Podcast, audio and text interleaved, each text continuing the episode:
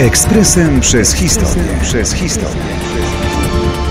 29 marca 1790 roku zawarto przymierze polsko-pruskie.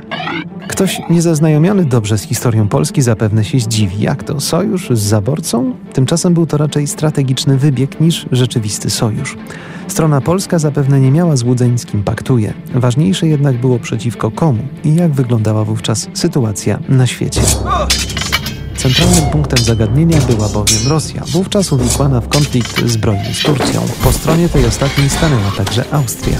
Wydawało się, że Rosja stoi, przynajmniej czasowo, na bardzo niewygodnej dla siebie pozycji i że jest to znakomity moment, by inni mogli z tej słabości skorzystać. Król Stanisław August Poniatowski przedłożył tymczasem Sejmowi czteroletniemu projekt opracowany na prośbę rosyjskiego ambasadora. Ów projekt mówił wprost o zwiększeniu stanu osobowego wojsk Rzeczypospolitej, tak by mogły one wspomóc Rosję w walkach z Turkami. Ha ha ha! Jak łatwo zgadnąć, propozycja ta nie spotkała się z entuzjazmem, a co więcej, doprowadziła do silnego sprzeciwu ze strony Prus. Jeden z pruskich posłów przestrzegał Polaków przed tym krokiem, oferując przy okazji gwarancję, że całość i niepodległość Rzeczypospolitej nie zostaną w wyniku ewentualnego przymierza naruszone.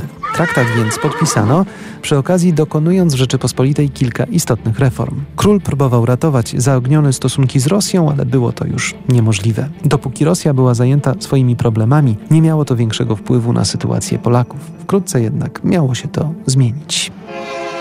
Ekspresem przez historię. Przez historię.